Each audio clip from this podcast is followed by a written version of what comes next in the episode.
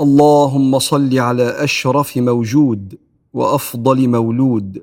صلاة تناسب مقامه العالي ومقداره الغالي وتعم أهله وأزواجه وأولياءه وأنصاره.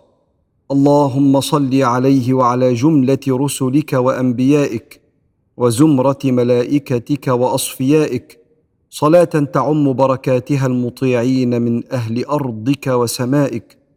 اللهم اجعلنا ممن أسبلت ستر العرش عليهم ونظرت بعين العناية إليهم وبحولك وقدرتك لا يقدر عليهم. فإنك يا مولانا خير حافظ وأنت أرحم الراحمين.